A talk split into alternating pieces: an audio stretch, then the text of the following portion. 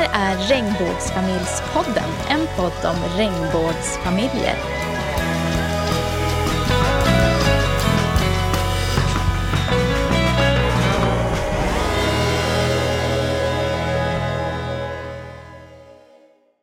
Så är jag här med Anna från RFSL och vi är i Aspuddsparken utanför Stockholm och idag är det regnbågsfamiljernas dag. Vad är det, Anna? Det är ett firande som finns internationellt. Då heter den International Family Equality Day. Och det har vi snappat upp och tänkt att det borde ju RFSL fira eh, eller regnbågsfamiljer över, överlag fira i Sverige också. Och vad, vad gör man här idag? Idag är det en träff här i parken som en eh, Facebookgrupp har dragit i, eh, ihop. Där det grillas och eh, har picknick och där man kan vika regnbågsflygplan och leka massor, titta på djur, eh, rida ponnyridning. Varför tycker du att det är viktigt med en sån här dag? För att det finns en massa härliga initiativ ute i landet eh, för regnbågsfamiljer.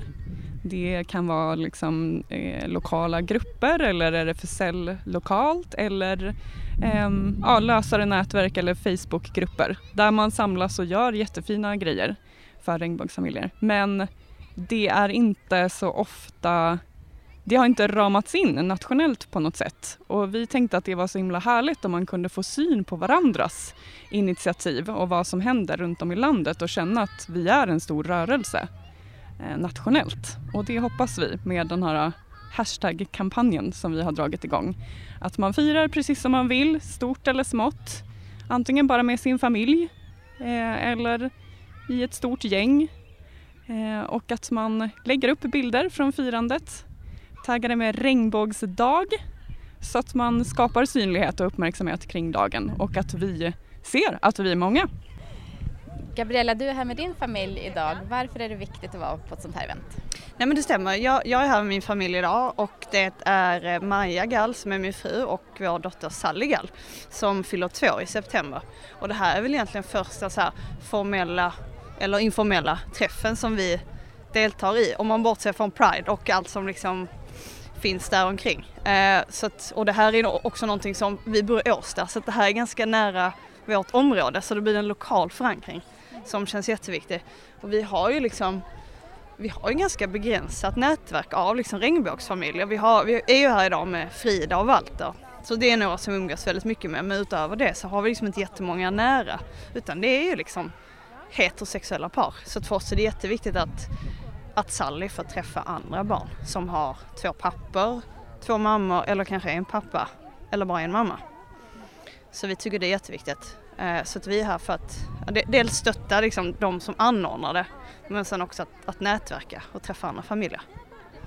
Eh, upplever du att behovet finns? Absolut, det finns ett jättestort behov och jag tror att om man börjar skapa lite på ytan eh, som man genom att anordna den här träffen idag i Aspuddsparken så, så tror jag att man kan, eh, man kan hitta eh, behov hos egentligen varje enskild individ och det är allt från eh, att man behöver ha liksom dels olika typer av medier som, som din egen podd som behövs eh, och sen att man behöver liksom ja, men, formella och informella nätverk. Det tror jag finns hos varenda en. Det är fortfarande så att det är en minoritet. Om man tittar till exempel så här, som i Sallys förskoleklass och egentligen på hela förskolan. Det är en ganska stor förskola. Hon är den enda som har två mammor. Och nu börjar hon så här med pappa liksom och vi säger okej okay, vi har två böcker. Men sen har vi inte så mycket mer material. Så vi behöver ju liksom vi behöver lite stöd och vi behöver höra hur andra har det. Det är jätteviktigt för oss. Vad har ni gjort här idag? Eh, ja, men vi har grillat korv och sen har vi matat eh, hönorna där borta fast man inte fick. eh, och sen har vi egentligen bara varit här och cirkulerat och pratat med andra familjer och, och bara liksom haft det mysigt tillsammans. Sofia, vi står här i Aspuddsparken och har ett litet event idag. Berätta lite. Eh, ja, det är ju eh, regnbågsfamiljernas dag och det är ju något som inte har firats så stort i Sverige innan fast det har ju firats i andra länder. Så då nu när det skulle börja firas i Sverige så tänkte jag att åh, då vill jag göra någonting Eh, med min familj och dra ihop lite andra familjer och då så finns ju Aspudsparken här som ju är öppen för alla och det är korvgrillning och ponnyridning och så så då blev det väldigt enkelt men då tänkte jag vi träffas här för det vore kul att se liksom hur många vi är eller så att vi får träffa varandra och bara hänga i en park med eh, våra barn. Varför är det viktigt med den här typen av firande?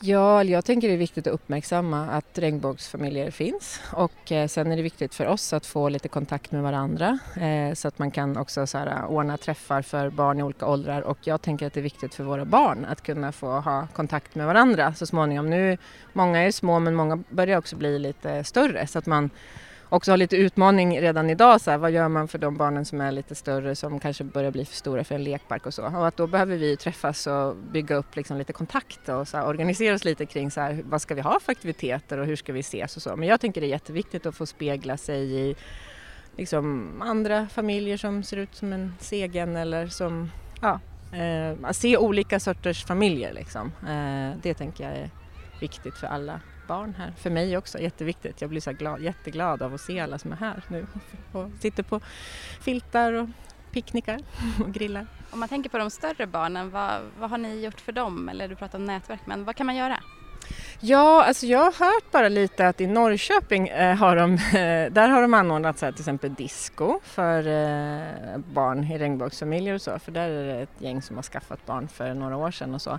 Men jag vet faktiskt inte, det är upp till oss lite att, att tänka på här. Jag tänkte så att man skulle kunna göra en quiz till exempel och sätta så här, eh, barn mot vuxna kanske eller något sånt, jag vet, men det blev inte av nu. Men det är ju sånt, jag, man tänker att, jag kan tänka tillsammans med mina barn, de är åtta och tio så här, vad ska vi göra tillsammans? Eller vad vore roliga sätt att träffas på när man blir lite större? Så här, för att när sandlådan, när man har vuxit ur sandlådan liksom. Men det, det får vi tänka på tillsammans tänker jag. Och kanske till nästa år. Jag tänker att det här firandet, nu har vi startat det här firandet och vi kommer ha det eh, liksom nästa år och framöver och då kan man ju tänka ut hur man ska göra för att det ska bli kul för barn i olika åldrar.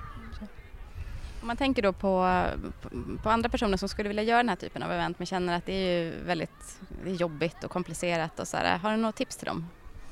Eh, ja, att det inte behöver vara så komplicerat. Här har jag liksom lånat en park som finns, som är igång. Liksom. Att, eh, det, de platser som finns här, det finns ju, jag menar icke-kommersiella platser, det är ju krympande lite så, men bibliotek och lekparker, parklekar eller djurpark, eller som det här liksom, ja det är väl djurpark och parklek så här.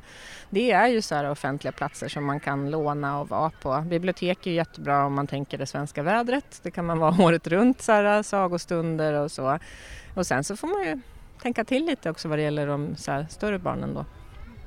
Eh, men det behöver inte vara så krångligt tänker jag, att man bara ses och eh, ja, man kan ju fixa något fika tillsammans eller sälja till självkostnadspris eller be folk ta med lite matsäck eller att man, eh, man bara får komma och ta med sig en filt eller, eller så. Och, bara så här, nu, alltså, och annonsera via Facebook, det är ju det absolut enklaste nu eh, känns det som. Att de flesta ändå är med där. Och så.